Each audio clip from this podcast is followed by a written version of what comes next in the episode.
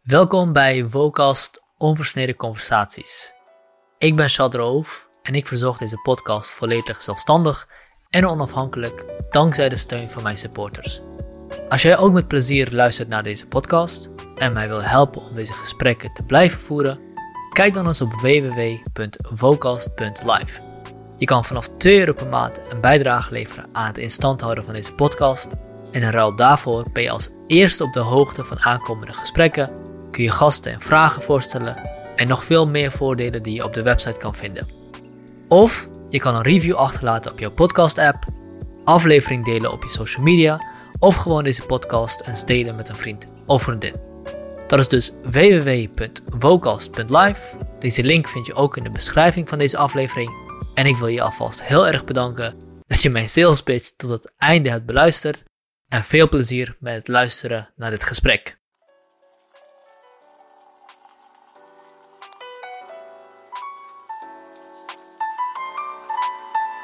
Yes, welkom Joop. We kunnen eigenlijk beginnen. Um, we zitten in de ceremoniekamer van, uh, van waar uh, alle magie hier gebeurt. En uh, we gaan het vandaag hebben over iets waar jij volgens mij het grootste deel van je leven aan gewijd hebt. Ayahuasca-ceremonies. In ieder geval aan het werken met therapie en ayahuasca, ja. Ja. Ja.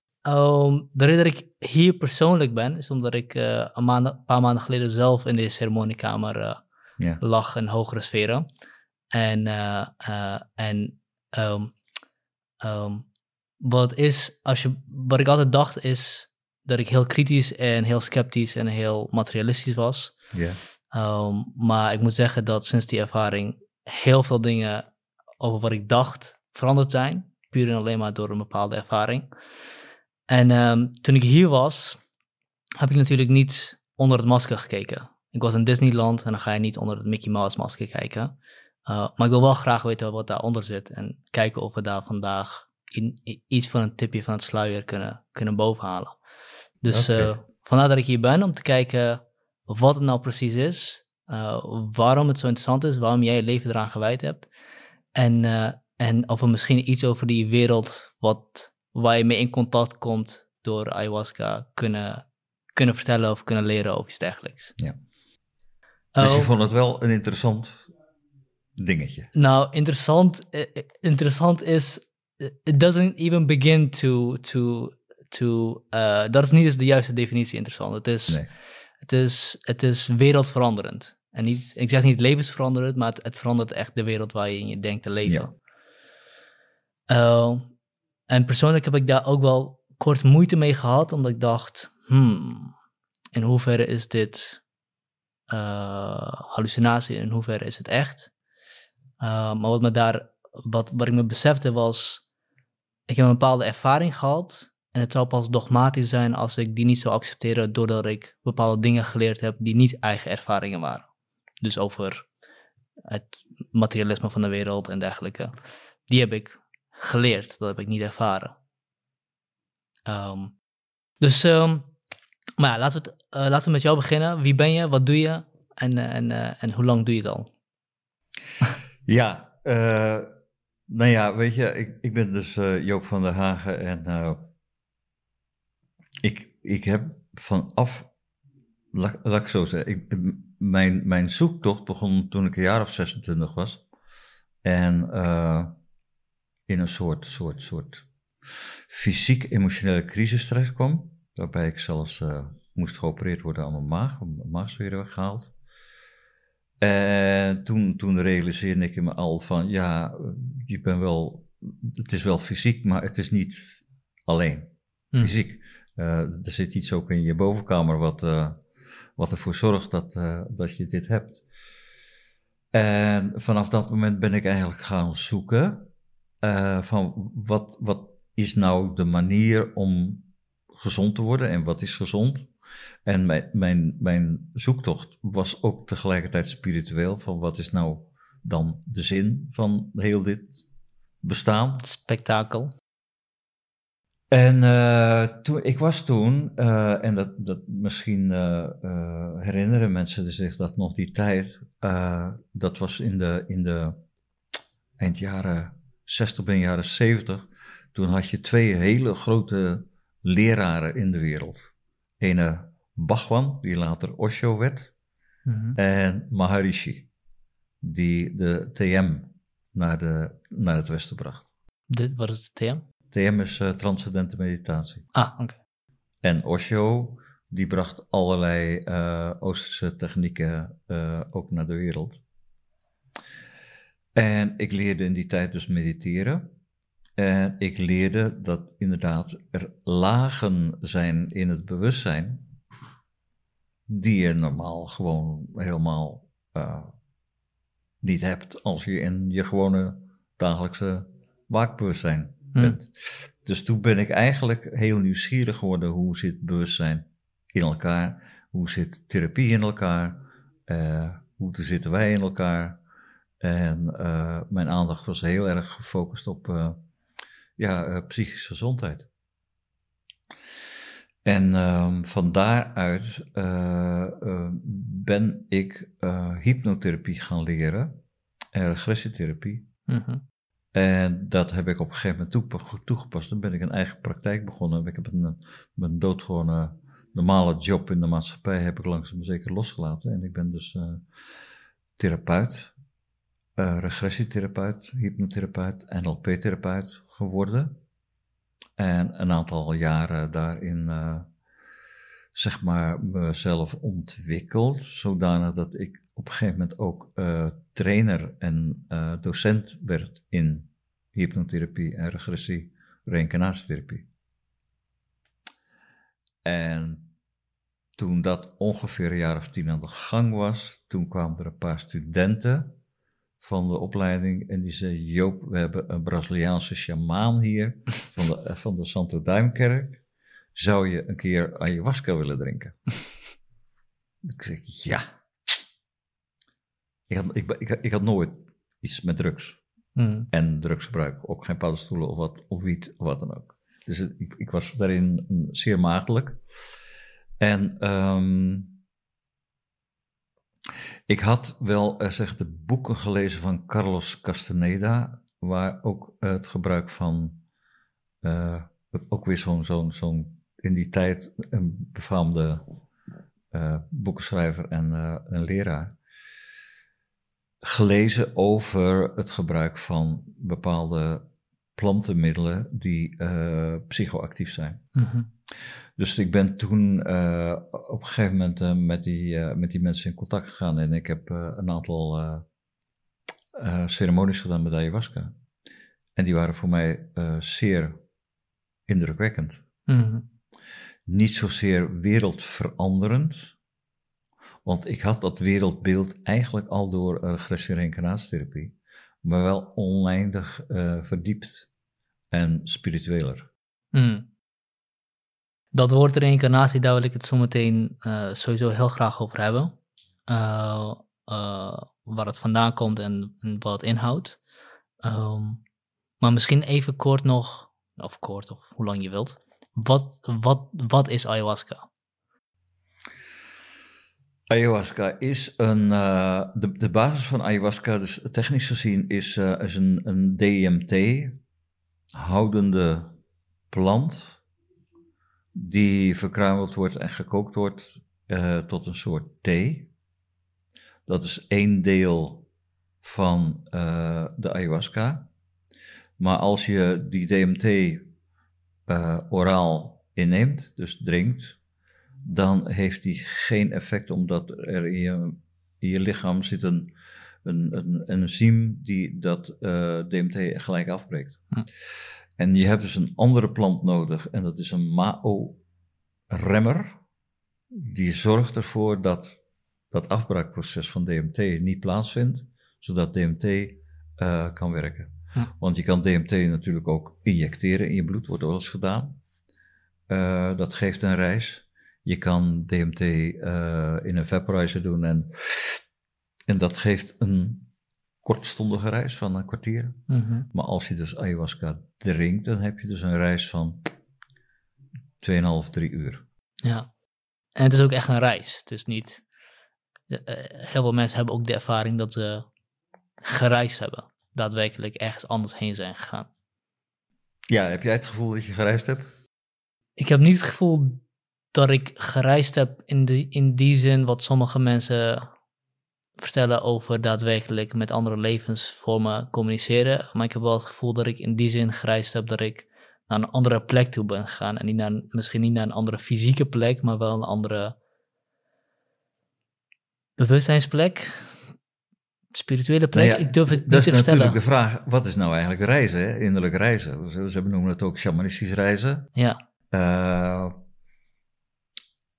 ayahuasca is psychoactief, dus er gebeurt wel het een en het ander daar in die binnenkamer. mhm, Kijk, iedereen die eh, ayahuasca drinkt, die gaat op een gegeven moment liggen en sluit de ogen en die gaat naar binnen. ja, Er is niemand die zijn ogen open houdt en rond om zich heen kijkt. Ja, Ja. een enkeling in het begin die probeert te controleren. ja, Maar zodra ayahuasca- ayahuasca wat sterker wordt, dan gaat hij naar binnen en dan eh, gaat hij wat we noemen reizen. Nou, reizen is dus natuurlijk een, een breed begrip, maar wat, wat het in feite is.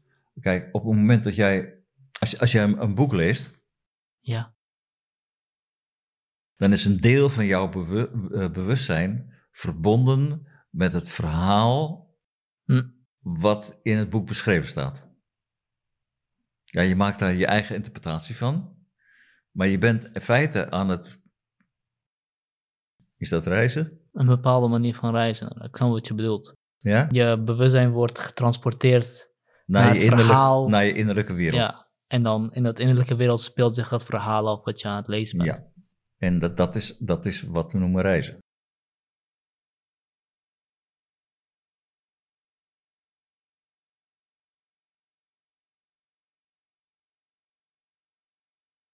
Ja.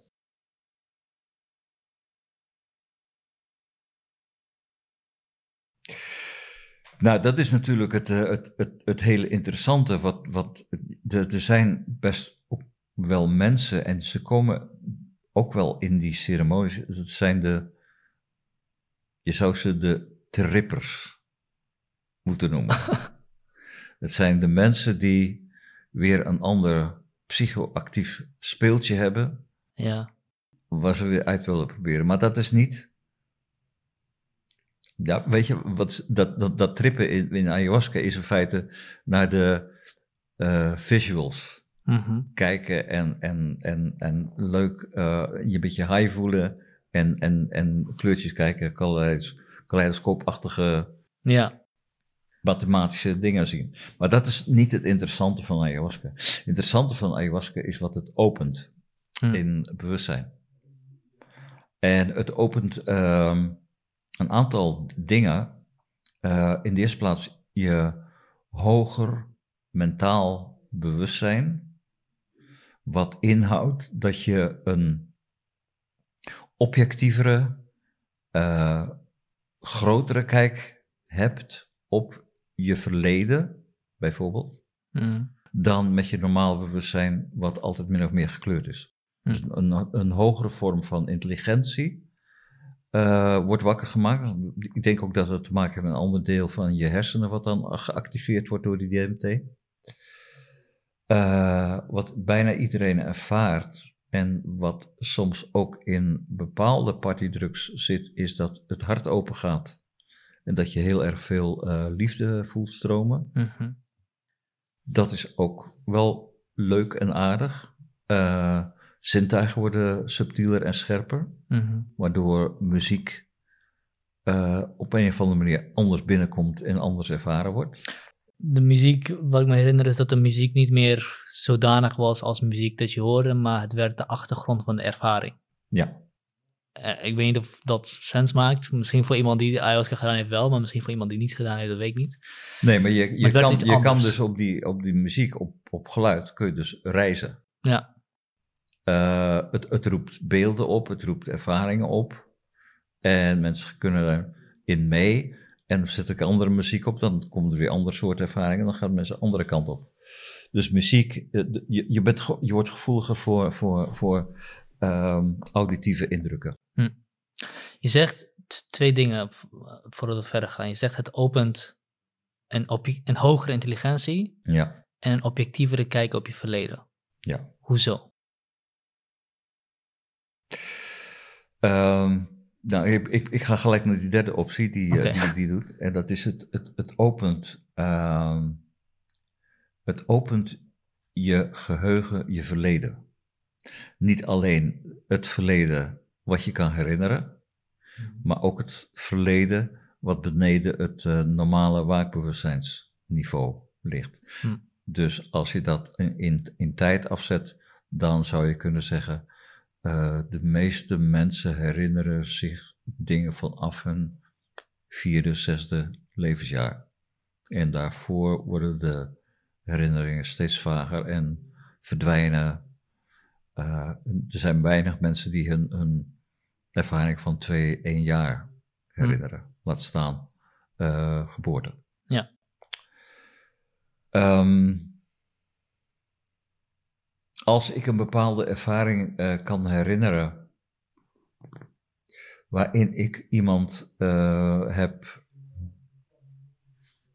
emotioneel of psychisch heb beschadigd, dan als ik daarnaar kijk, met mijn normale bewustzijn, dan zit er altijd een gevoel van spijt of schuld, eh, of dat, dat soort emoties zitten dan vast. Mhm. Vanuit een hoger bewustzijn uh, vervallen die, die, die emotionele kijk en zie je eigenlijk werkelijk hoe het is en wat het je gedaan heeft en wat het de ander gedaan heeft, aangebracht heeft. En het, het, het wordt veel meer aanschouwender, mhm. veel minder uh, gekleurd. Maar, maar waarom doet het dat?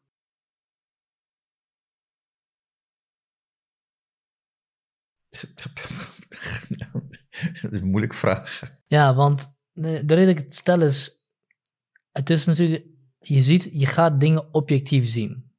Dat, dat is wat je zegt eigenlijk. Je, gaat, je gaat niet meer in je eigen persoonlijke visie of subjectiviteit naar iets kijken, maar je gaat die gebeurtenissen vanuit een andere bewustzijnsniveau kijken. Ja. Waarom? Waarom, drinkt, waarom is het drinken van een plant iets wat daartoe leidt?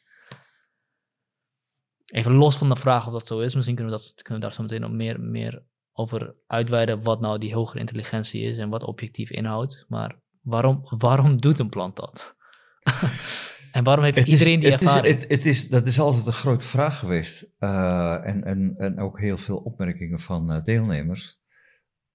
Het is de vraag of de plant dat doet. Mm. Of activeert de plant gewoon jou? Hoger bewustzijn. Of laat ik het anders zeggen, activeert de DMT in de plant niet jouw DMT in je. Uh, in je lichaam. In, in, je, in een bepaald deel van je hersenen. Ja. Want DMT is ook een lichaams-eigen stof. DMT is een lichaams-eigen stof en het wordt vooral uh, ook uh, zit in de, in de, in de hypofyse. Mm. Wordt het, wordt het ook mee verbonden de DMT in jezelf uh, zorgt ervoor dat je ook, ook, ook zeg maar visueel kan dromen.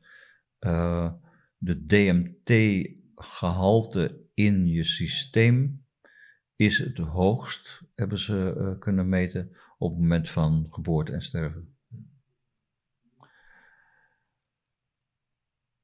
Dus het, de, de vraag is of de plant het doet. Mm. Of dat plant eigenlijk alleen maar een soort intermediair is, waardoor je eigen uh, eh, DMT geactiveerd wordt. Hm. Ik denk het laatste. En wat houdt die hogere bewustzijn in?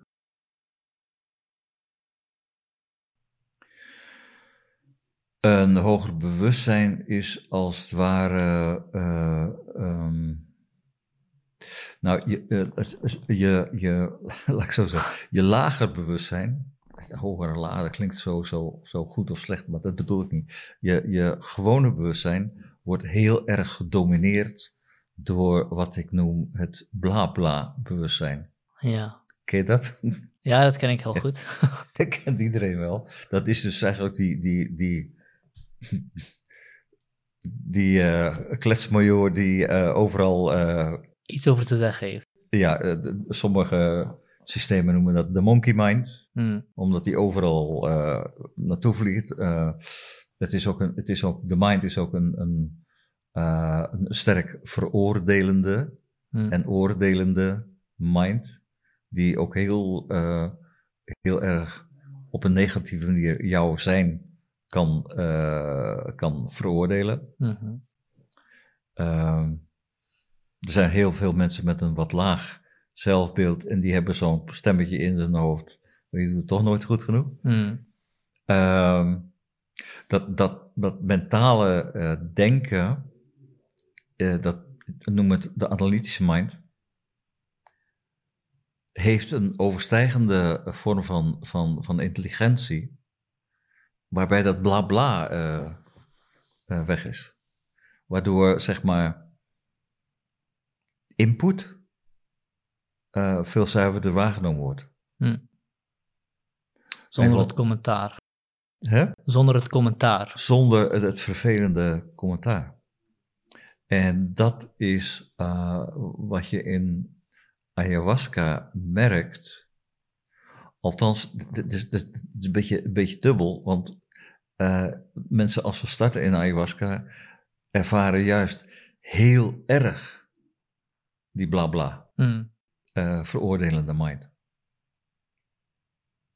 Dus die wordt alleen maar sterker als mensen net beginnen. Maar op een gegeven moment dan, dan, dan is die ayahuasca sterker en dan schopt hij die, die, uh, mm. die mind uh, eruit en dan kom je bij, bij zeg maar je echte zuivere intelligentie die uh, niet zo veroordelend is en veel neutraler is.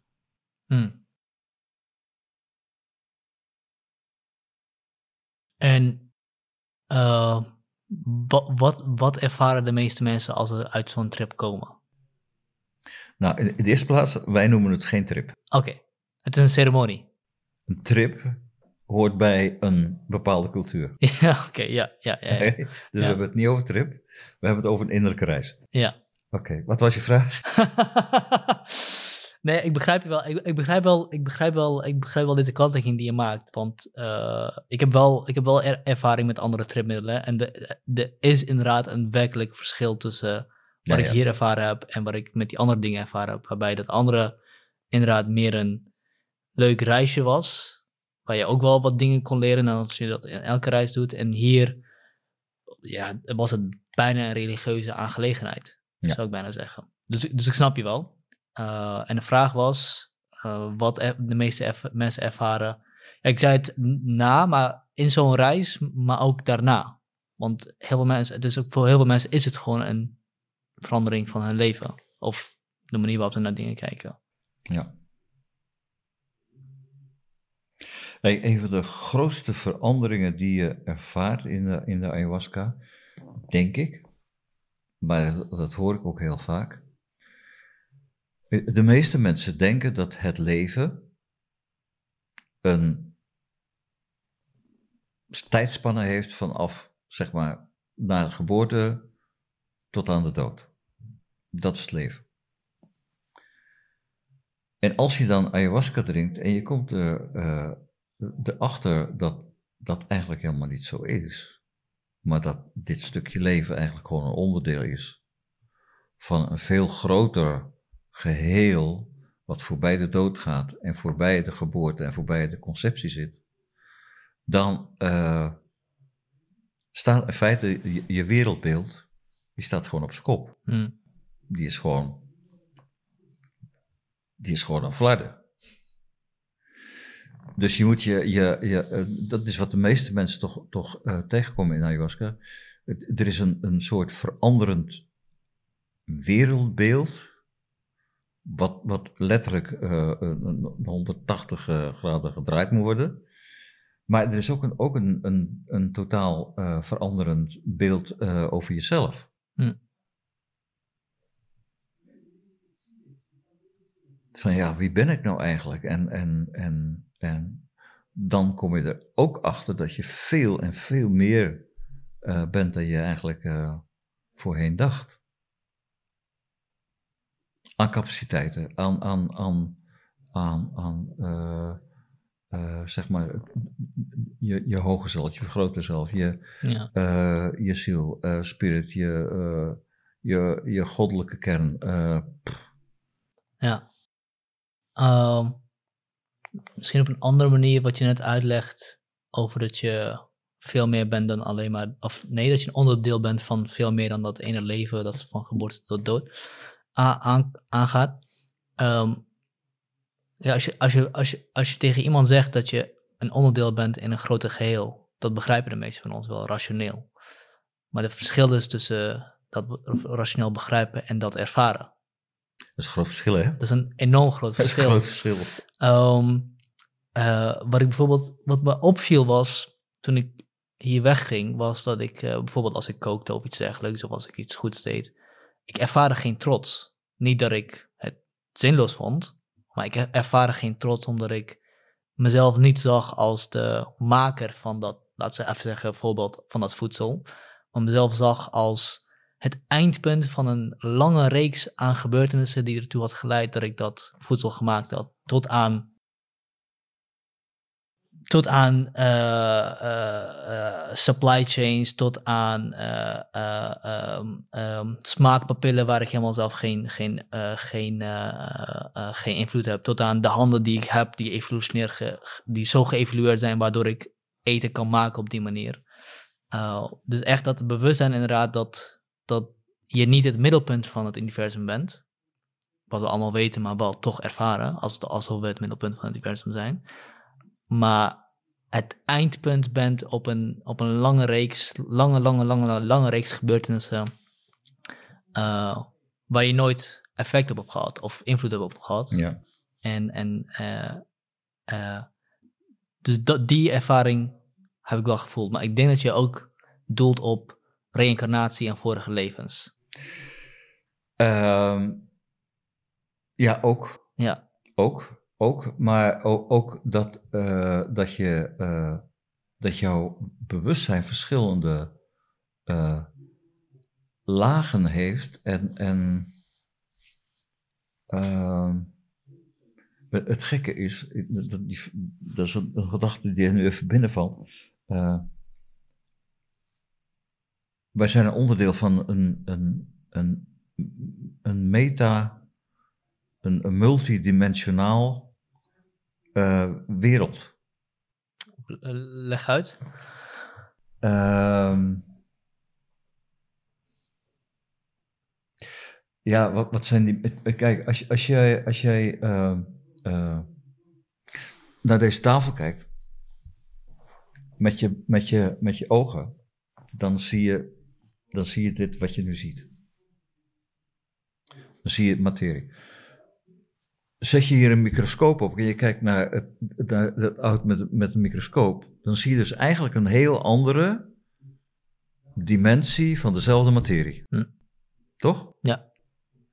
Kijk je met een nog fijnere microscoop, we noemen een atoommicroscoop of uh, weet ik wat, wat er allemaal is, dan zie je weer een andere dimensie van hetzelfde ja.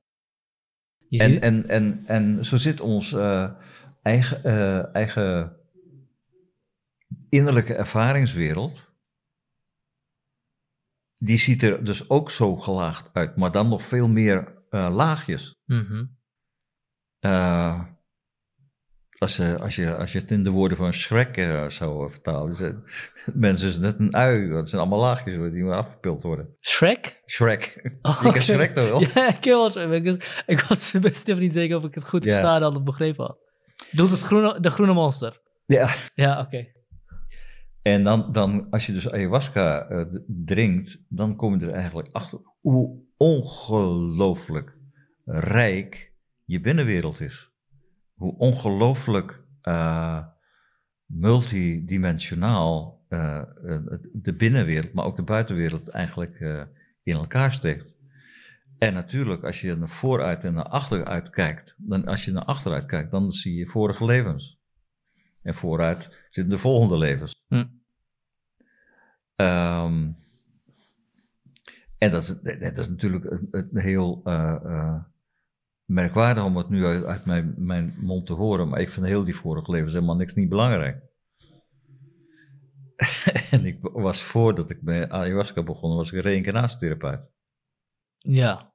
Uh, voordat we het over, over die vorige levens hebben, moeten we het wel, denk ik, wel eerst even hebben over reïncarnatie in het algemeen. Ehm, wat, is, wat, is, wat is de case voor reïncarnatie? Los van dat mensen het e-, ervaren in een ayahuasca-innerlijke reis bijvoorbeeld.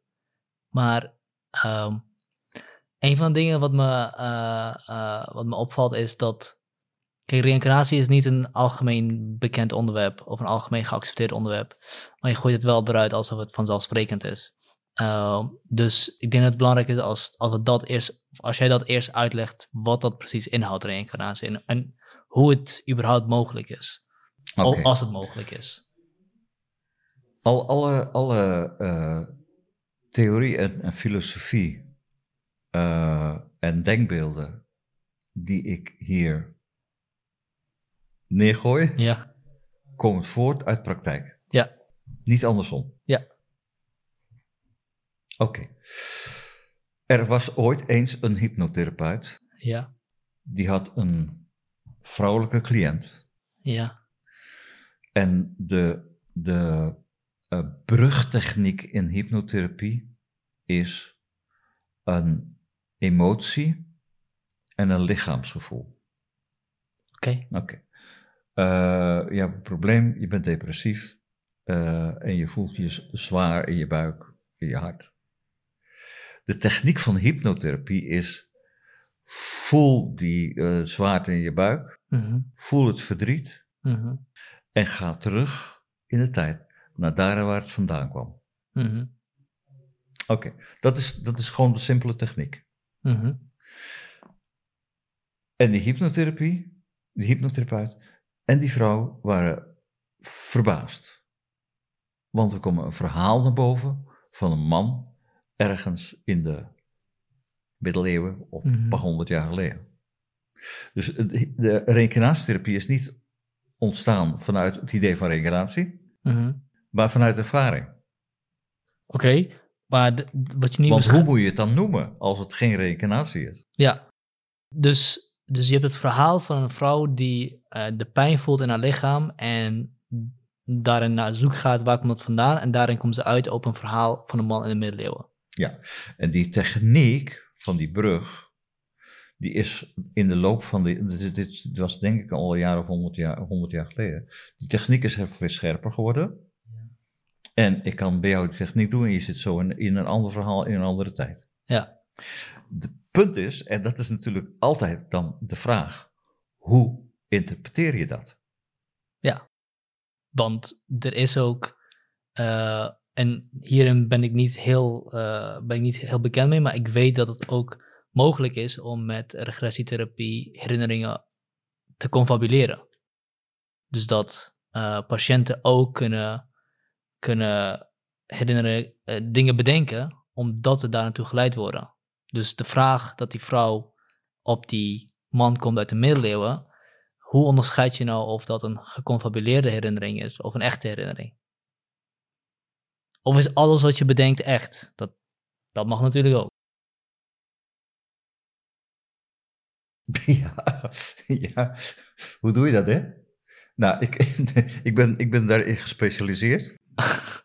ik, uh, ik heb voordat ik met ayahuasca begon, uh, heb ik heel veel groepsessies gedaan. En dan liet ik uh, man of uh, 8, 9, 10 uh, liggen. Ja. En deed ik een visualisatie.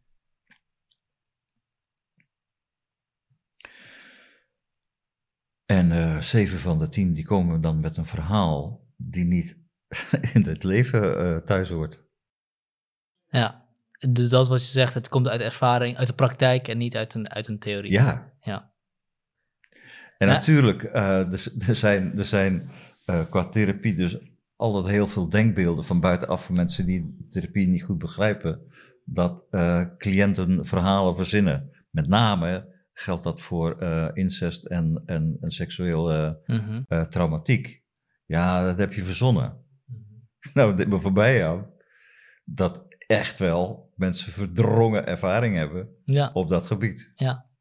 Nou, verdrongen, verdrongen ervaringen is wat anders dan, dan geconfabuleerde herinneringen. Ja. ja. Ja, ik heb het één keer, één keer meegemaakt. Wat dan? Dat was een vrouw die, uh, die, die, uh, die ging in therapie bij mij.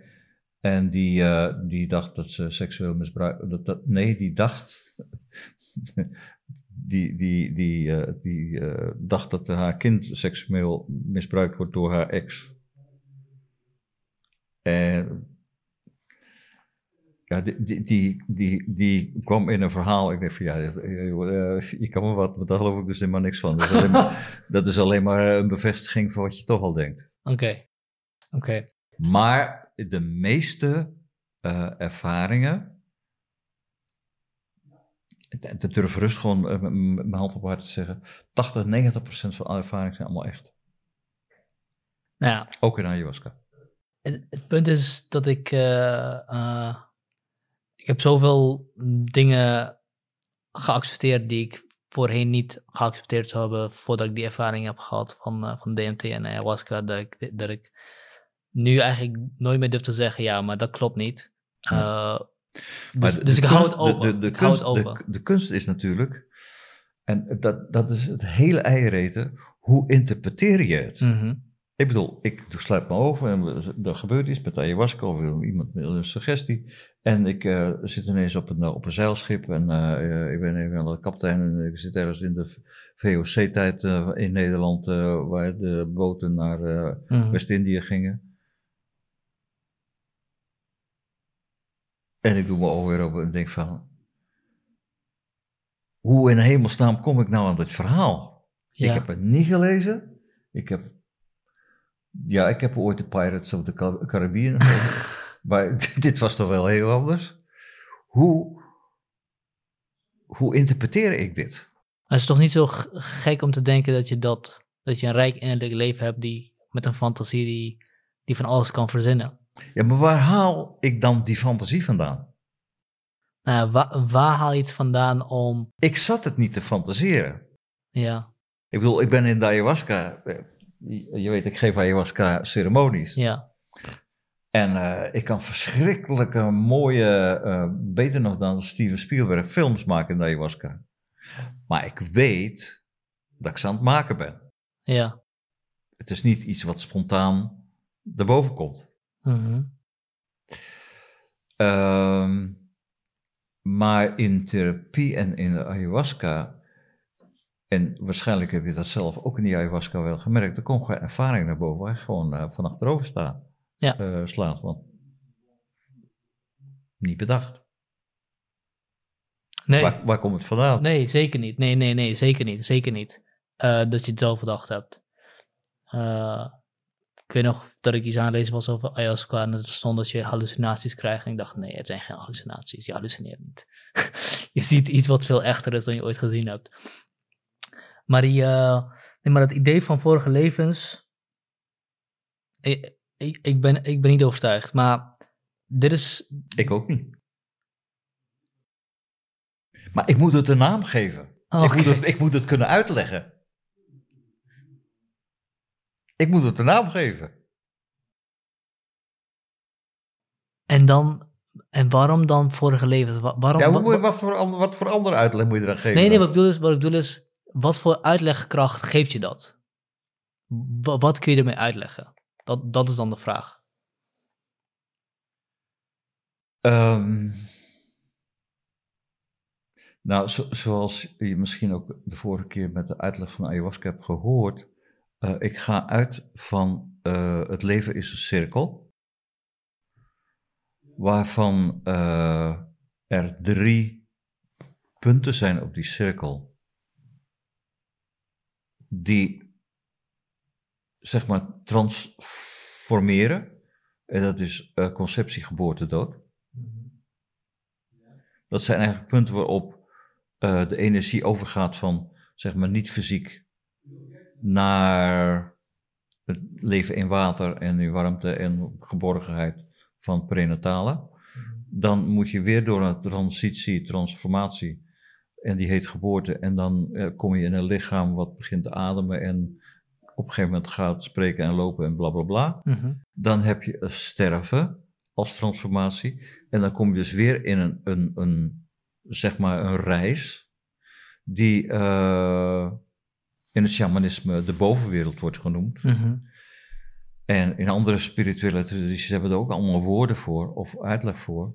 Wat, wat dan die uitleg van, van het oude Egypte, het uitleg van het oude India met, uh, met, uh, met zijn, en de, uh, de, het uitleg van de Tibetaanse boeddhisten, komen vrij goed overeen met wat je in ayahuasca ervaart. En wat is die uitleg dan van de bovenwereld? Nou ja, dat je gewoon heel simpel, uh, dat je na het, na het sterven in een reis komt, waarin je nog steeds gewoon bewust bent en waar je ook gewoon ervaringen hebt. Hm. En die dan weer eindigt in een conceptie. Hm. En uh, heb jij die wereld betreden? Jij ook? Ja, ik misschien ook wel. Maar. Uh, maar je moet hem wel herkennen. Maar ja, ik denk dat. Ik denk dat, dat de manier waarop wat ik ervaren heb, juist me. Uh, dit is, dit is de, denk ik de kernpunt als ik even uitga van, van reïncarnatie. Dus als ik vanuit ga dat, dat het wel mogelijk dat, dat, dat, die, dat dat idee van de wereld bestaat en dat het echt is. Namelijk dat ik niet begrijp wat de plek voor, voor jou daar is. Als een jij als persoon. Dus wat ik heb ervaren is een. wat ik ervaren heb is een. Uh, is een plek, is een bron waarin eigenlijk alle subjectiviteit en alle persoonlijkheid en alle uh, afzonderlijkheid wegvalt. Ja. Niks is afzonderlijk van elkaar en alles is één grote bron van nou, zijn. Zijn en, en dat, dat drukt zich uit in liefde, zo voelt het dan. Um, En daaruit kom je op. En elk moment komt daaruit op. Niet eens elk persoon komt daaruit op. Dus ik kan me ik kan me heel goed voorstellen dat dat de plek is waar je heen gaat of waar je mee samenspelt wanneer je sterft en dit fysieke lichaam en bestaan. Ja, voordat je bent, heb je wel een reisje hoor. Daarvoor heb je nog een reis. Daarvoor heb je nog wel een reis. Is dat het leven of wanneer je dood bent? Wanneer je dood bent. Dus, oké. Dus er is, er, is, er, er is dus even, als ik, hem, eh, als ik even een reisgidsje maak. je hebt het leven, je gaat dood, je bent dan nog jezelf. En dan heb je nog je bent jezelf, je bedoelt, je bent nog je persoonlijkheid. Ja. Ja, ja. Wat... En dat dus persoonlijkheid val, is op een gegeven moment valt dan weg. Of, kijk, dit is mijn punt. Als, als in die bron alles hetzelfde is en niks afzonderlijk, hoe kun je dan zeggen dat jij reïncarneert? En dat is nou de hamvraag. Want je kan dus reïncarnatie, kan je dus op verschillende manieren uitleggen. Oké. Eh, traditioneel uh, is, het, is het idee van ik, Joop. Uh, voor mijn conceptie zit daar een, een, een stuk. Zit daar een Joop? Een doorzichtige Joop ergens?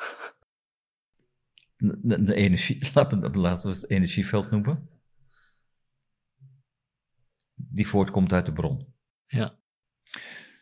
En die hoop die gaat dood op het moment dat uh, dat lichaam sterft en die gaat terug naar de bron. Mm.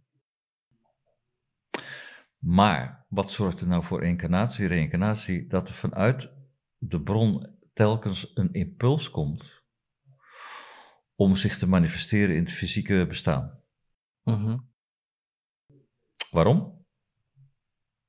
Omdat je ervaringen op wilt doen. Waarom? Wat leuk is. Oké. Oké, ja. Omdat je wil leren. Het is alsof de bron, noem het de creator, eh, de schepper, ja. zichzelf wil leren kennen door in de stof te incarneren, ervaring op te doen, te verwerken en dan weer terug te gaan naar de bron. Waarom? Omdat, Waarom? Omdat hij zich verveelt. Omdat hij zich verveelt. Oké, dus het is een comedisch, uh, ja. comedisch spel voor... Uh... Nee, niet voor de Divine com Comedy. Comedie Divina. Com uh, Comedie Divina, ja, ja, ja. Oké, Dus, Maar de vraag, is, de, vra- de, de vraag is over het hele reïncarnatiespel, is eh, als ik dan een ervaring zie, of het nou in therapie is, of in de ayahuasca, of met welk middel dan ook, eh, een ervaring ervaar van, nou zeg maar, eh, pak weg, eh, Tweede Wereldoorlog. Mhm. Ja, ik ben na de Tweede Wereldoorlog geboren.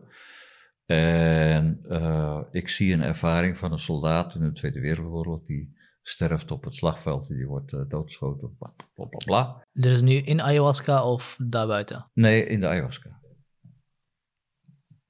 Dan is de vraag, in de eerste plaats, is dat een vorig leven? Eh, ja, het is een vorig leven. Alleen de vraag is van wie? Hm. Is dat een vraag? Is, is dat een vorig leven van mij? Dus heb ik, zoals het, het, het hele Hindoeïstische eh, idee van elk mens gaat door levens heen elke keer weer, totdat eh, hij ver, ver- vervolmaakt is en weer eh, opgaat in de bron. Mhm. Waarbij elk leven eigenlijk steeds maar eh, het leven is wat van jou is. Mhm. Maar dan is er Boeddha en die zegt er is helemaal geen zelf. Dus kan jij nooit vorig levens hebben. Want er is geen kern. Ja. Wat ook eh, eigenlijk eh, het Soefisme zegt. Dus je dan je wereldbeeld weer even op zijn kop zetten. Ehm, of is het zo dat je voor eh, de incarnatie, dus voor je conceptie, door een, in een sfeer terechtkomt waarin je je pakket samenstelt voor dit leven? Dus dit zijn je capaciteiten. En er zitten dat soort levens aan vast. Dat zijn je eh, problemen die je tegenkomt. Er zitten dat soort levens aan vast. En die levens die, dan, eh, die je dan meeneemt, die zijn niet van jou, maar die zijn gewoon uit de, gewoon, eh, de grabbelton.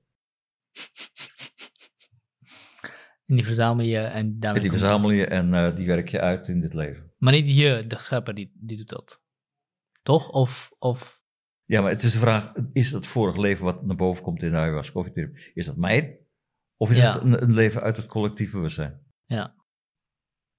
Nou, daar kan je natuurlijk eindeloos over discussiëren. En wat denk je zelf? Maar het een, het, het- het maakt niks uit. en waarom niet? Het, het- het enige wat, wat, wat belangrijk is, denk ik, in het hele leven, is dat je eh, bewust bent dat je hier bent en dat je hier bent om ervaringen op te doen en dat je hier bent eh, en erachter komt dat je eigenlijk zelf eh, de schepper bent van dit leven. Hm. Ik bedoel, als je leven een schilderij is, Mhm. wie is dan de schilder? Ja, dat ben je zelf. Ja, dat ben je zelf. Tegelijkertijd hebben we ook in het begin gezegd, je bent maar een onderdeel van een groter geheel waar je, waarop je bijna geen invloed hebt gehad. Ja. Dus hoe breng je die twee met elkaar samen? Dat je te- tegelijkertijd volledig verantwoordelijk bent voor je leven. Jij bent degene die het maakt. En tegelijkertijd ben je het uiteinde van miljoenen, misschien zelfs miljarden jaren geschiedenis. En ook nog eens dan, laat zeggen, meerdere generaties van geschiedenis en de grotere omgeving waarin je woont. Hoe breng je die twee ideeën met elkaar samen?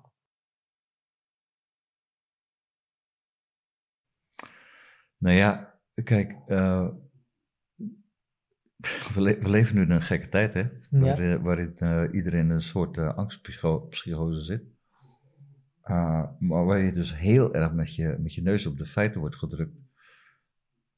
Dat jij nog steeds eh, je goed kan voelen door je eigen leven zo, zo, zo goed mogelijk zelf te creëren. Mhm. Ehm, dus aan de ene kant ben je een, een piep klein onderdeeltje van het universum wat niks voorstelt. Mhm. En aan de andere kant ben jij datgene, een, een, een, een bewustzijn, waardoor de schepper zichzelf leert, leert kennen. Je, je bent het alle twee. Je bent divine en je bent niks. Maar je bent het alle twee tegelijk. Ja. En, uh, oké. Op deze manier kan ik, uh, kan, ik, uh, kan ik er een beeld van scheppen van hoe het, hoe het zich eruit ziet. Je hebt, uh, je hebt de conceptie. Het is een cirkel, het is een cyclus, dus, het is niet het begin, het is een deel van het cyclus. Je hebt de conceptie, transformatie naar, naar, naar geboorte, het leven dat je leeft, het leven. Je sterft. Na het sterven maak je nog een reis totdat je uiteindelijk kan uh, opgaan in de bron waar je vandaan komt. Uh, dan ben jij er niet meer. En vanuit de bron. Weer terug. Weer, weer, weer. Omdat... Het, is dus, het is dus eigenlijk gewoon. Uh, je, zou, je zou het bijna een, een, een ademend geheel kunnen noemen. Een ademend geheel, ja. Je ademt in, en je, spreekt, je, uh, je, je, je manifesteert jezelf in de wereld. En in het hoogtepunt van dat fysieke wereld begin je alweer uit te ademen. Hm. En in die uitademen moet je door het sterven heen. Dan ga je weer naar binnen. En draai de adem weer om. Ja. Ja, waarom is dat? Ja, omdat, ja waarom is dat? Ja, goede vraag. Geen idee. En, en dan, dan moeten we denk ik ook nog even over die schepper hebben. Want het is, de schepper is, probeert zichzelf te begrijpen door onze ervaringen, maar tegelijkertijd zijn wij zelf ook die schepper. Ja. Dat is het antwoord, dat is gewoon het geheel. Er is geen, verder meer, geen uitleg meer dan, daarnaast. En dat is ook wat heel veel mensen ook in de ayahuasca ervaren, is dat ze, dat ze eigenlijk, uh, uh, eigenlijk ook de schepper zijn. Ayahuasca wordt een entheogeen genoemd. Hmm. Een entheogeen middel. En entheogeen betekent uh, samensmelten met de schepper. Hmm. Zoals de heilige paddenstoel, ayahuasca, uh, mescaline, peyote, uh, bufo. Er zijn, er zijn verschillende uh, entheogene middelen. Ayahuasca is er maar één van, hè? Hmm.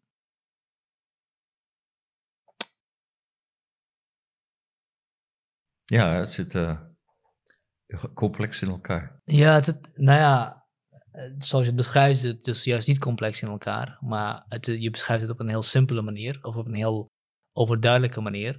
Nou, maar, maar het, het, belangrijkste is... wat, wat voor mij, voor mij ayahuasca doet, en dat is, dat is, dat is een vorig levensverhaaltje.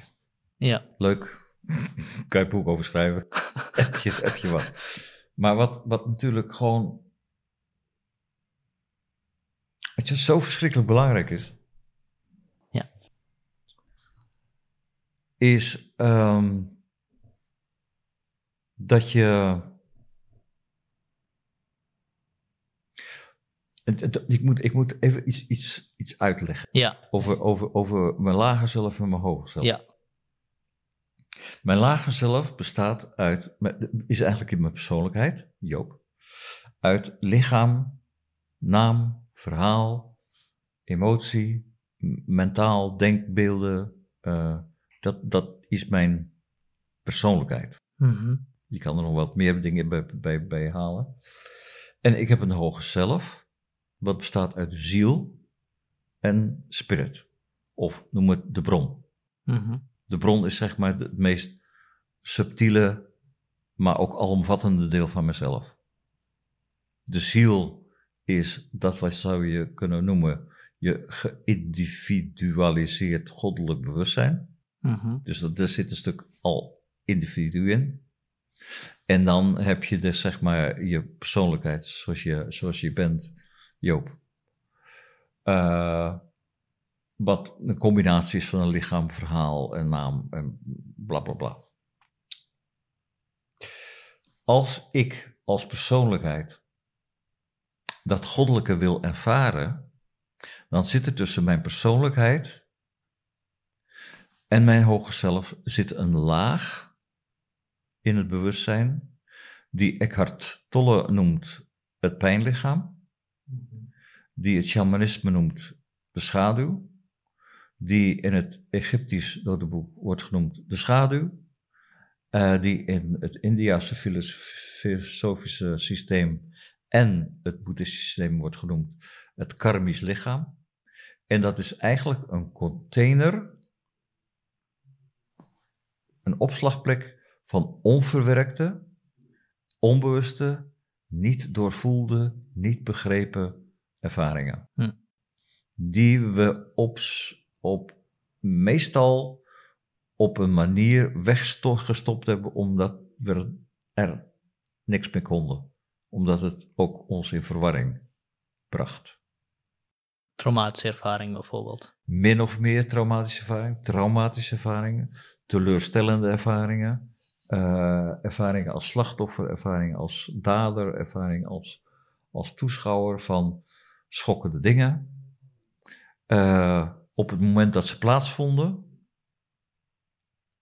konden we er niks mee. gewoon heel simpel. Iemand gaat dood waarvan je houdt. Je houdt van iemand, die persoon die gaat dood. Uh, je voelt eigenlijk dat je een, een, een, hele diep verdriet hebt daarover. En heel erg uh, pijn. Maar je drukt het weg, maar je moet organiseren, je moet regelen, een begrafenis, uh, erfenis, toestanden. En voordat je het weet ben je twee, drie, vier weken verder en ben je het gevoel kwijt kan je er niet meer bij. Hm. Maar het gevoel is er nog wel, maar het wordt dan zachtjes zeker uh, weg, weggezet in dat karmisch lichaam. En um,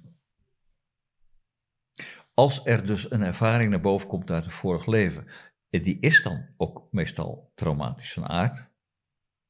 Dat maakt het me niet uit of het vorige leven echt is, of niet is, of van wie het ook is enig wat voor mij belangrijk is, er is iets wat onverwerkt is en dat wil verwerkt worden. Hm. En dat is echt het enige. Wat, wat relevant is dan. Wat relevant is, wat mij interesseert. Ja. En dat of, of, of, of het nou incest naar boven komt en het is incest van jezelf of van je moeder. Ja, er zit wel een wat verschil in. Maar wat er naar boven komt, is, is wat wil gezien, doorvoeld, begrepen worden. Mooi. Dus dat is, dat is het enige, enige wat mij echt interesseert. Ja, ja. Nee, ik snap hem. Ik snap hem. Daarom is die, die vraag van, is een vorig leven nou belangrijk of is dat echt? Ja.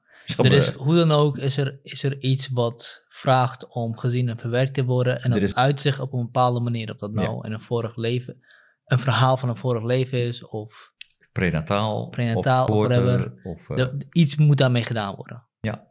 Er komt iets in het bewustzijn naar boven drijven door ayahuasca. Maar het is niet alleen door ayahuasca, het is ook door in therapie. Ja.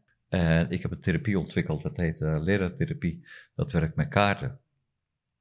Is, werkt nog iets sterker dan hypnotherapie of regressietherapie. Dat wat naar boven komt, wil gezien, gevoeld en begrepen. Hm. En losgelaten worden. Hm. Om zeg maar die, dat, dat lage zelf en dat hoge zelf weer met elkaar uh, te verbinden. Ja. En dat, dat is voor mij dus de essentie uh, van, uh, van ook wat, wat, ik, wat ik doe. Mooi. Um, dat idee van het karmische lichaam is ook heel interessant, omdat dat een. En ik heb hem ervaren op een andere manier. Ik heb hem ervaren als, als frustraties die aan mijn lichaam geplakt zijn. Of aan mijn bewustzijn of aan mijn whatever geplakt zijn. En in mijn in de reis die ik hier gemaakt heb, niet de trip, uh, ervaarde ik hoe al die dingen eigenlijk langzaam losgemaakt werden. Als een ui die gepeld werd. Totdat er eigenlijk niks meer overbleef. Al, alles wat persoonlijk was en gefrustreerd was, was. En dat woord karma kreeg opeens betekenis voor mij. Ik weet niet waarom, ik heb dat woord nooit gebruikt, behalve uh, misschien schertsend. Uh, dat was allemaal karma die aan mij geplakt was. Ja, en dat is wat ik noem, benoem, noem als karmisch lichaam. Het karmisch lichaam, schade. Ja. Ja, als ik dat ook zo uitleg, en, en, en, en uh, dan begrijpen mensen ook uh, wel wat ik bedoel. Als ze, ja. als ze ayahuasca gedaan hebben. Ja. Nou, ik denk, ik denk los daarvan ook wel hoor. Ik denk, uh, mensen die ik vertel over, dit, uh, over die ervaring wat ik heb gehad, zijn over het algemeen zijn er best wel open voor. En ik merk om de een of andere reden dat het iets is wat steeds meer aan het opkomen is. En dat steeds meer mensen er hun toevlucht, toevlucht misschien toezoeken. In, misschien ook in de zin van, hmm, dit gaat mijn problemen oplossen. Nou ja, er, er is natuurlijk in, in het, het hele uh, spel van, van psychotherapie uh, en, en, en geestelijke of, of psychotherapeutische uh, methodieken is er best heel veel ontwikkeling geweest in de laatste 50, 60 jaar. Hmm. Voorheen zaten we met uren uh, per week uh, liggend op de bank bij de psychiater uh, de zaak aan elkaar te fantaseren en dat heet dan psychoanalyse.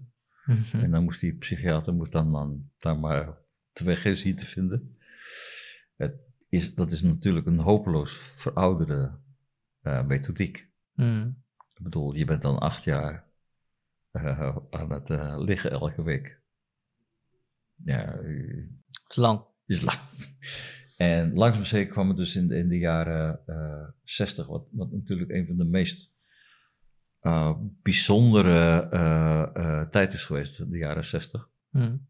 Dus op, op, op, muziek gebeurde van alles, op het gebied van psychotherapie, meditatie. Het, het, het, het is, is zo'n bizar mooie tijd geweest.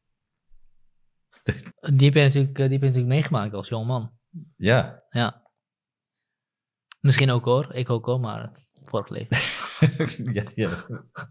Maar wat ik daarmee bedoel, is daar, daar zijn dus de therapieën ontstaan.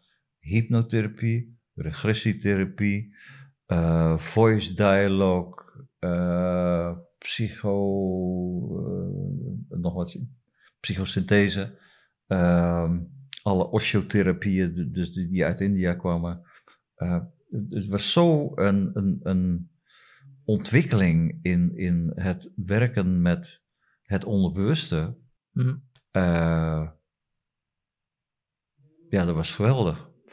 En daarin is langzaam maar zeker ook. Uh, en dat, dat is dus eigenlijk iets van de laatste 10, 20, 25 jaar. Zijn die, die, uh, die entheogene middelen langzaam maar zeker door beginnen te sijpelen in de wereld van de psychotherapie. En ja, goh, er zijn zoveel mensen die, die allemaal precies hetzelfde zeggen. Eh, weekend ayahuasca, dat is meer dan een jaar therapie. Maar dat is natuurlijk erg ook zo. Ja. Het is ongelooflijk uh, effectief uh, als uh, psychotherapie. Ja, ja. En um, waarom doe je dit? Want jij doet het, volgens mij elk weekend heb je een ceremonie. Ja. en je doet zelf ook mee. Ja. Uh, ik kan me niet voorstellen hoe het is om dat elk weekend te moeten doen. Ik kan je vertellen dat ik uh, misschien voor de komende vijf jaar hoef ik hier niet meer aan te denken. Nou, het, het, het, wordt, het wordt wel steeds viezer. Het wordt wel steeds viezer. Het nou, steeds viezer. Dat, dat uh, misschien voor de mensen die, het, die zich afvragen hoe vies. Nou, het zijn dus twee drankjes. De eerste is een heel bittere espresso. Echt een heel bittere espresso. En de tweede is gewoon out of this world niet, het is zuur en bitter. Het voelt alsof je stof... Wrang. Wrang, inderdaad. Ugh, ja. ik moet er niet aan denken. Nee. Ik ook niet, maar het vanavond verdruk. maar wa waarom doe je dit? Ik vind het ongelooflijk boeiend. Ja. Ik vind eigenlijk niks zo boeiend als de menselijke geest. Die binnenwereld, die binnenkamer. Um, ik weet ook dat ik er, dat ik er uh, heel veel mensen mee kan helpen en plezier kan doen. En, en, en uh, dat ze hun problemen onder ogen durven zien en loslaten en uh, verwerken. Ik ervaar daardoor ook verschrikkelijk veel dankbaarheid dat ik het mag. Mm -hmm. um, ik zou me maatloos vervelen als ik het niet zou doen. Uh, want ik vind het gewoon ja, alleen boeiend. Ja. En het geeft me ook, uh, het, het, geeft me ook inspiratie. Ik bedoel, de, de schilderijen die je ziet, uh, zijn allemaal geïnspireerd op, op, op, op, op ayahuasca. Die heb je ook zelf gemaakt, toch? Ja. Ja. Ze zijn dus niet, uh, niet in de ayahuasca, ze schilderen altijd erna. Maar ze zijn wel geïnspireerd op de kleurenrijkdom die je die, uh, in de ayahuasca kan ervaren. Ja, en wat is de rol van Jezus in het geheel? Want volgens mij zie ik Jezus en die blauwe is Vishnu of zo? Of? Ja, um, ik ben uh, geen christen. Nee. Ik ben geen boeddhist. Ik ben geen uh, islamiet. Uh, maar ik realiseer me, kijk, als je het woord hoger, hoger bewustzijn noemt, hoger, hoger zelf, dat is een abstract woord. Mm -hmm. Kun je, eigenlijk kun je je daar niks bij voorstellen. Hm. Dus wat is de rol van een Jezus of een Boeddha? Dat is eigenlijk niks anders dan een archetypisch beeld van je hoog zelf. Hm. De meeste mensen zien het als een persoon uit een bepaalde tijd die een bepaalde wijze. Maar het is feite is, is Christus, Boeddha, of welke andere meester je ook maar uh, kunt voorstellen, is niks anders dan een archetype. Omdat je je hoger zelf niet als, als, als woord uh, uh, een, een, beeld van kan maken. Ja. En wat, wat dus redelijk vaak gebeurt in de ayahuasca, bij mij in ieder geval redelijk vaak, maar ook in, in uh, Lela-therapie, dus wat ik dan ontwikkeld heb, heb is dat je, je uh, kunt dus in contact gaan en overschaduwd worden door een archetypisch energieveld, die door je heen kan spreken. Dat wordt uh, channelen genoemd. Mm -hmm. um,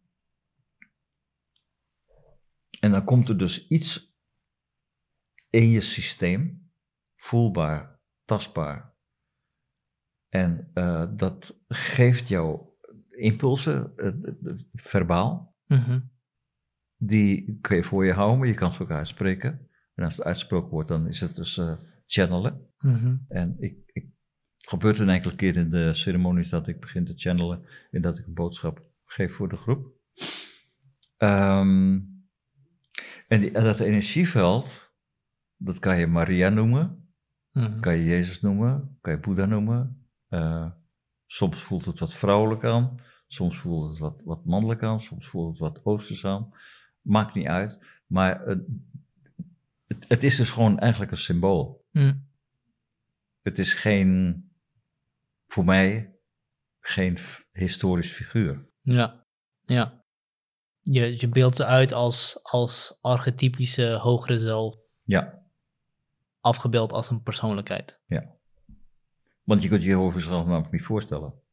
Nee, precies. Ja, ja, ja. En je zal zelf ook niet. Tenzij je zegt van, Joop, verhaal, uh, lichaam, dan begin je het voor te stellen. Ja. Maar het, het woord lager zelf kun je niet voorstellen. Ja, ja. Het, is, het, is, het is gewoon een woord. Ja. Je kan alleen maar lichaam, persoonlijk, naam, dat soort Ja. dingen kun je voorstellen. Ja, ik snap hem. Ehm, en je doet al, je doet het meer dan 25 jaar, volgens mij? Ik heb, eh, ik, ik heb voor mezelf eh, ben ik ooit begonnen in eh, eind jaren 80, begin 90 aan ayahuasca. Ja. Dus dat is al 30 jaar geleden. Maar ik ben er en ik heb dat een jaar of zes, zeven voor mezelf gedaan. Ja. Toen heb ik het weer losgelaten en ben ik heel erg bezig geweest met wat, wat ik al een paar keer het woord heb laten vallen, lela-therapie en lela-kaarten ontwikkelen. Mhm. Eh, daar veel mee gewerkt. En uh, 15 jaar geleden uh, heb ik besloten om, om ayahuasca weer van stal te halen. Toen heb ik een aantal keren weer ayahuasca voor mezelf gedaan. mhm. weer door bepaalde processen heen gegaan. En dacht van, oké, okay, nou wordt het tijd dat ik, dat ik ook ayahuasca ga geven. En, en, waarom? Waarom was het tijd? Eigenlijk heel simpel. ik vind het de meest boeiende psychotherapie. Ja. Kun je, uh, waar ik nou wel benieuwd naar ben, is kun je ons iets meer vertellen over die reis naar het dood? Wat dat inhoudt? Oh, ja, daar kan ik heel veel over vertellen. Heb je nog een minuutje? Ja, ik heb zeker nog tijd, zeker. Okay. Um, ik, ik, ik, begin even, ik probeer uit te leggen. Ja. Je hebt een binnenwereld. Zeker heb je dat gemerkt met ayahuasca. Ja. En je hebt een buitenwereld. Ja. Jij bent nu in mijn buitenwereld. En als je straks weg bent, en ik denk nog over het gesprek na, dan ben je eigenlijk nog een, ben je nog een deel van binnenwereld. Mhm. Oké. Dus je hebt een buitenwereld en een binnenwereld. Op het moment dat ik sterf, Joop, sterft die dan uit jouw buitenwereld of uit jouw binnenwereld? Buitenwereld. Buitenwereld. Oké. Dus als ik, als, als jij sterft, dan ben jij uit mijn buitenwereld. Mhm. Als mijn moeder sterft, is, ja, die is al lang gestorven. Als mijn moeder sterft, dan sterft ze uit mijn buitenwereld. Ja. Maar sterft ze ook in mijn binnenwereld? Uh, nou, er is nog de vraag of, of zij in jouw binnenwereld is, of, of, een, of dat een afbeelding van haar in jouw binnenwereld is. Maar even los, daar, los van die kwestie, zij sterft niet in jouw binnenwereld, want ze, nee. ze leeft daar nog voor. Zeker niet als een hele sterke emotionele binding ja. is geweest. En die binding kan haat zijn. Die is, net, die is, die is misschien wel sterker dan liefde. Uh, wrok of whatever kind of emotie. Mm -hmm. Als emotie sterk is geweest, is de verbinding dusdanig dat als mijn moeder sterft, ze is niet weg. Ja. Ze is niet uit mijn dromen. Ik droom nog van haar, of ik denk nog vaak aan haar en uh, met bepaalde emoties. Mm -hmm. Oké. Okay. Dat is één. Als ik sterf, voor mij, sterft dan mijn buitenwereld of mijn binnenwereld? Jouw binnenwereld sterft. Nee. Jouw buitenwereld sterft. Ja. Oh ja, tuurlijk. Ja, ja, Oké, nee, ik snap hem, ja. Als ik sterf, ben jij weg. Zit Koen er niet meer. Hebben, is, is dan, mm dan is, mijn buitenwereld is weg. Mm -hmm. Nou is de vraag, wat gebeurt er met mijn binnenwereld? Mm -hmm.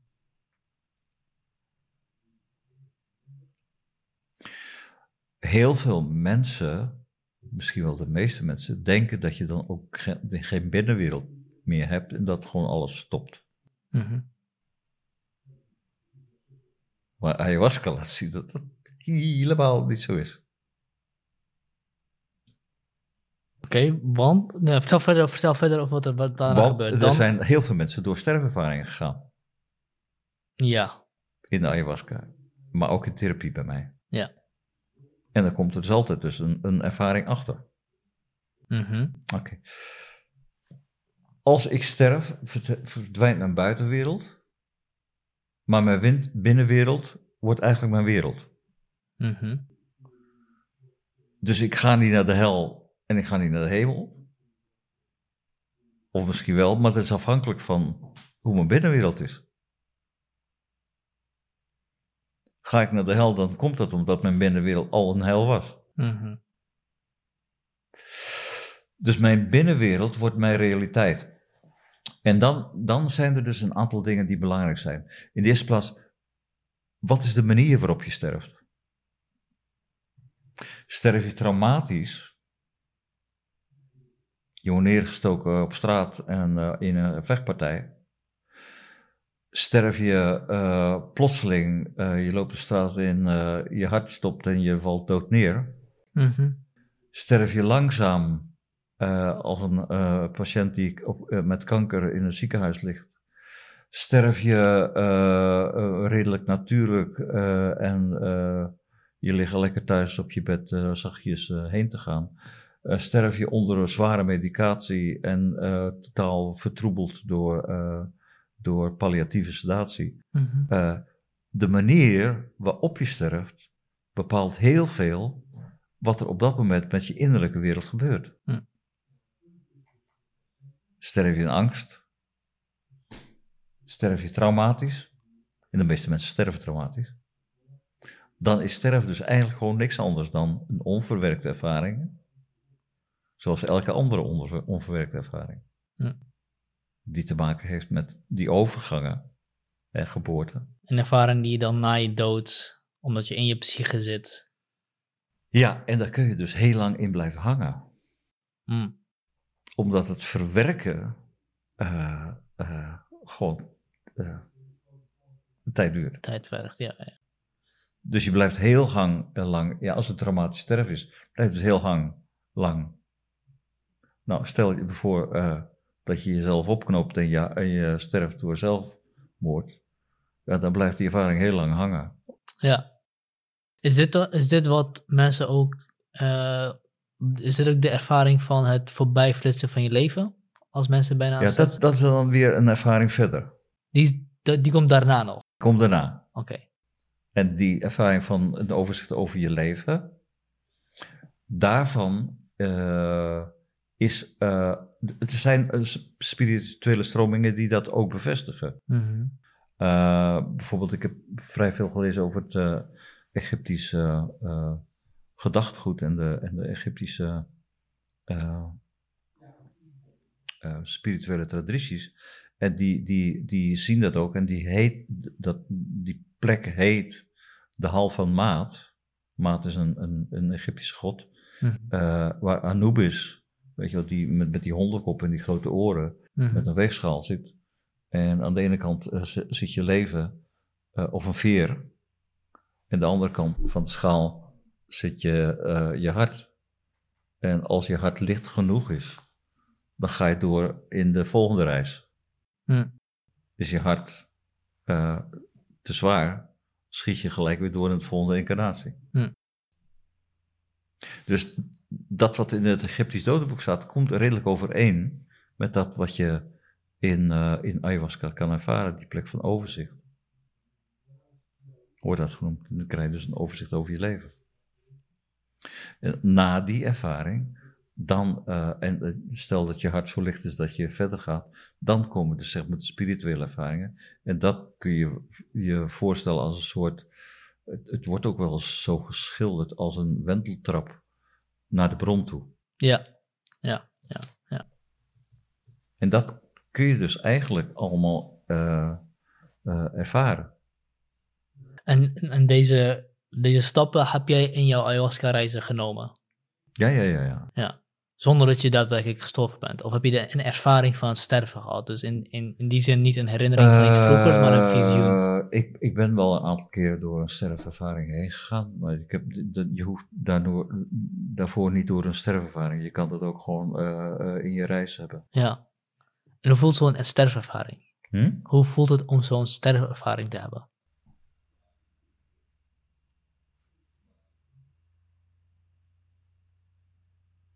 Ja, uh, het lichamelijk voelt als even een, een, een schokkende, pijnlijke uh, toestand. En, uh, ervaar je dan dat je sterft of ervaar je een bepaalde manier van sterven? Je ervaart een bepaalde manier van sterven. Dus je, je, heb je dan een bepaald visioen van, een, van iets nou, wat in de toekomst plaats zou kunnen de, vinden? Een van de meest voorkomende sterfervaringen. En ja, het is wel een beetje ingewikkeld om het uit te leggen hoor, maar uh, ik probeer het voor mezelf ook steeds uh, uit te leggen. Um, wat dus heel vaak gebeurt in de ayahuasca. En dat gebeurde ook uh, vroeger in therapie. Um, de meeste sterfervaringen die je ervaart in, in therapie of in ayahuasca, is de sterfervaring van iemand die je gekend hebt en waar je een verbinding mee hebt gehad. Hm. Dus stel, uh, ik heb een hele sterke verbinding gehad met mijn vader en die man die sterft aan een hartaanval. Dan kan het gebeuren dat ik in, uh, in uh, ayahuasca of in, in, in een, therapeutische sessie ineens mijn hart voel overslaan en even benauwd krijg. En als ik dat dan heel erg voel, dan weet ik, oh oké, dit is de sterfervaring van mijn vader. Uh, bijvoorbeeld in, in, in, in, de, in, de, realiteit, mijn moeder was uh, gestorven. Of ze had een hartaanval.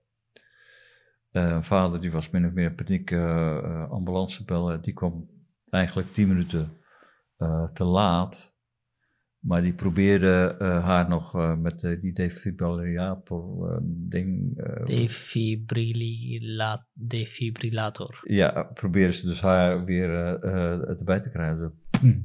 in, in dat lichaam. En dat hielp niet meer. Ze leefde nog wel een dag, geloof ik, in een coma en toen de stekker eruit gehaald.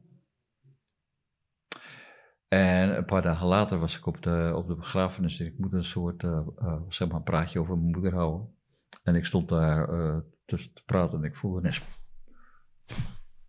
Oké, okay, dat is mijn moeder.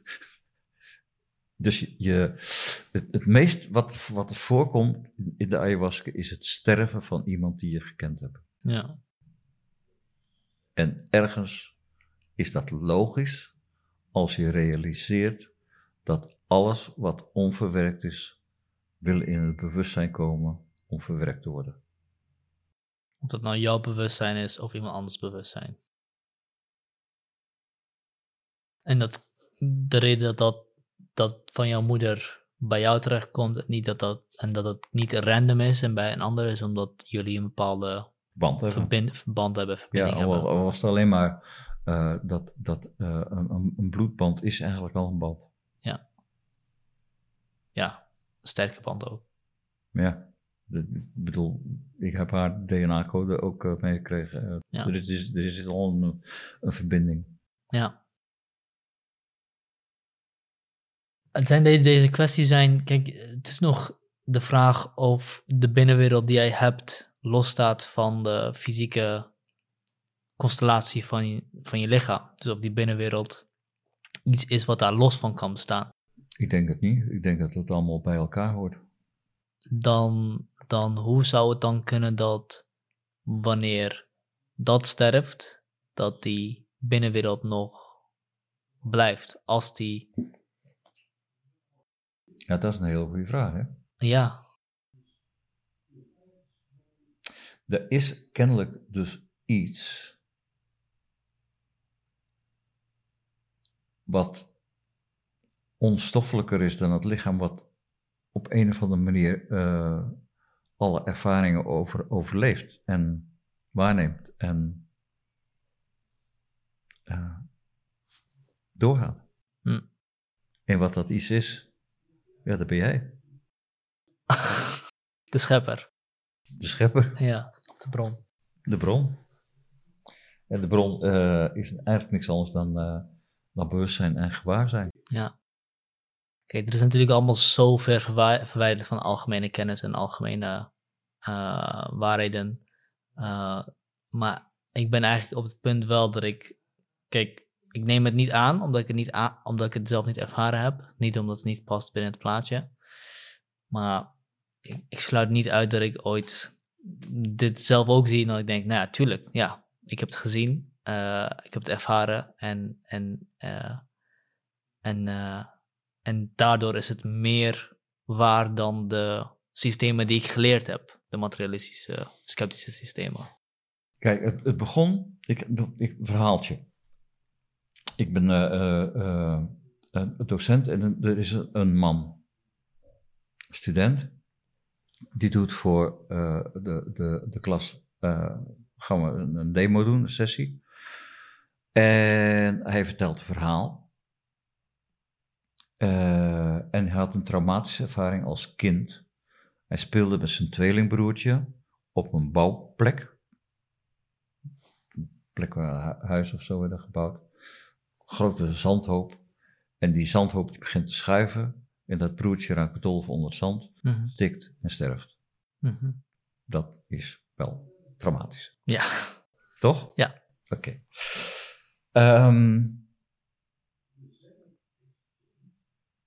we doen een sessie, ik breng, ik breng hem in een soort, zeg maar, innerlijke eh, reis, innerlijke eh, trance. En hij begint ineens, van- Mhm. hij dondert echt van zijn stoel af. Ja. Ik denk, wat is dit? Dat is voor het eerst dat ik dat meemaak, hè? Wat is dit toch? En achteraf, en op het moment dat ik het niet door, maar achteraf realiseer ik, ja, maar hij ging eigenlijk door het sterven van dat broertje heen. Mhm. Hoe kan dit nou? Ja. Daar, zat ik, daar zat ik dus gewoon mee te puzzelen. Ja. Ik kon geen andere eh, verklaring bedenken. Ook niet eh, als van dat gebeurt opzettelijk en dat eh, gebeurt omdat hij erop gefocust was. Ja. Dat vreemd zelf. Nee, ik heb dit fenomeen honderden, Ja. Nee, ik, ik meer betwijfel, dan honderden eh, keren meegemaakt. ik betwijfel niet dat het gebeurt. Ja, alleen hoe Interpreteer je dat? je? Want je, je kan ook een ander voorbeeld geven, namelijk van kinderen die een volwassene iets zien doen en dat imiteren. Is dan dat volwassenen in hun actief of hebben ze een bepaald gedrag geïnternaliseerd wat ze gezien hebben? Ja, maar dat is het dus niet. Wa- waarom kan die jongen die zijn broertje in het zandhoopje zag stikken, niet dat, die gebeurtenis of dat gedrag van, die is dan zo diep ingeprent in zijn psyche dat hij dat gaat niet imiteren. Ja, het is dan wel imiteren, maar het, het komt op die manier eruit. Dus het is, het is, het is, het is, we hebben het denk ik hier over een conceptueel verschil, misschien zelfs een semantisch verschil tussen zeggen over een traumatische ervaring die je meegemaakt hebt het voortleven van de andere in jou of het, het geïnternaliseerd hebben van een bepaald gebeurtenis die dan zich op die manier lichamelijk in jou uit. En, en de vraag is dan weer, hoe interpreteer je dat? Ja, dat zijn denk ik twee medailles. En ik denk, ik denk dat op het therapeutisch niveau, voor jouw doeleinden, maakt het heel weinig uit welke van de twee je aanhangt. Ja, dat, dat- dat maakt niet zoveel uit. Maar aan de andere kant denk ik van, ja, maar het, het zit helemaal niet zo psychologisch in elkaar. Hm. Want het komt bijna altijd voor iedereen als een verrassing. Hm. Het is niet dat je het bedenkt. Het is alleen zo en ik kan, ik, kan het, ik kan het wel verklaren, maar het is een ingewikkeld, ingewikkeld iets. Ehm, alle innerlijke ervaringen zijn in het geheugen opgeslagen, niet chronologisch, maar holografisch. In de zin van. ehm, eh, ik, ik geef een voorbeeldje. Je bent in een lift en je raakt in paniek. Omdat het benauwd is. Nee, die lift. Stel, die lift die stopt tussen twee eh, dingen in. Mhm. Eh, ik raak in paniek en ik voel me opgesloten en ik begin te hyperventileren. Is verbonden met een ervaring dat ik vroeger als klein kind opgesloten ben door moeder in de kast als ik stout was. Mhm. Is verbonden met het geboortekanaal waar ik vastzit en, en er niet uit kan en eh, opgesloten zit en, en, en, en eh, bijna doodga. Ja, Die, de, de innerlijke ervaringen zijn allemaal holografisch met elkaar elkaar verbonden. verbonden. ja. En als je de ene knop indrukt, eh, gaat hij die daar naartoe en dan gaat hij daar naartoe. ja. Maar dat ontken ik niet. Nee, oké. Wat ik bevraag is dat die stikkende ervaring van die patiënt van jou eh, het voortleven was van zijn broertje in hem, of een holografisch geheugen herinnering die in zijn lichaam opgeslagen is en op die manier eruit komt, omdat je op de juiste knop hebt gedrukt. Ja, het laatste denk ik.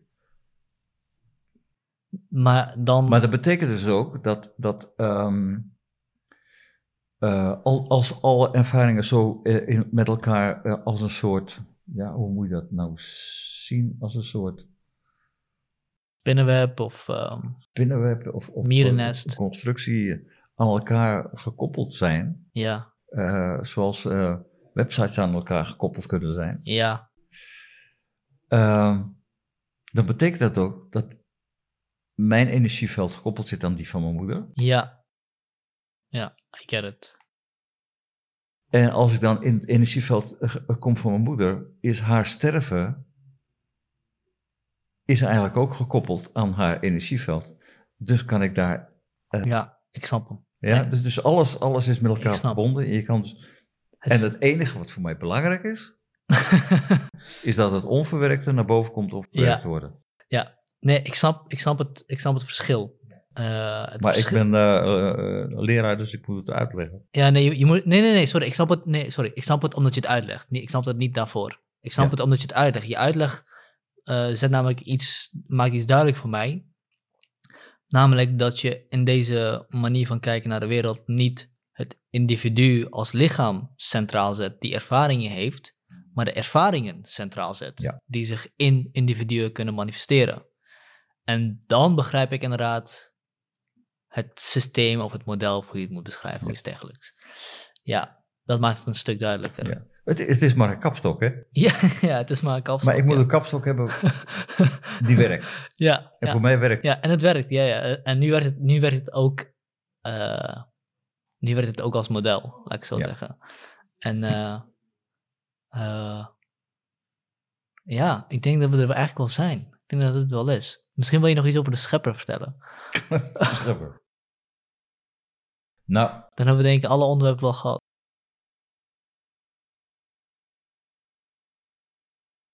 de, enige wat, wat, wat ik zou kunnen en durven zeggen over, over de schepper eh, eh, eh, zelf, wa- wat jij natuurlijk ook bent, is dat elk individu eigenlijk een geïndividualiseerd schepper is. Mhm.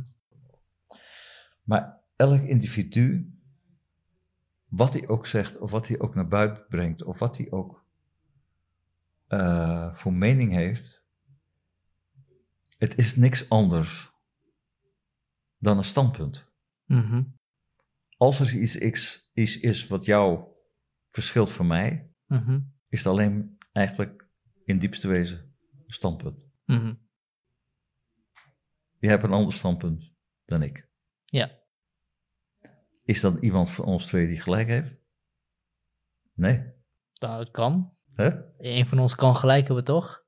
Een van ons kan zeggen dat is een stoel waar je op zit, en de andere kan zeggen dat is een tafel waar je op zit. Ja. Ja, oké, als je nog dieper gaat, wat is een tafel, een stoel, ja, oké. Ga verder. Dus elk verder. persoon, elk individu is niks anders dan standpunt. En het totaal aan standpunten is wat je zou kunnen zeggen, eh, eh, de schepper zelf. Oké, schepper is het totaal aan standpunten die iedereen heeft. En dan ga ik er vanuit ook in de geschiedenis hebben gehad, Ja, maar ook van dieren. ook van dieren. En waarom? Omdat de schepper zichzelf uitdrukt om zichzelf te willen leren kennen. En dat doet hij via individuele scheppings.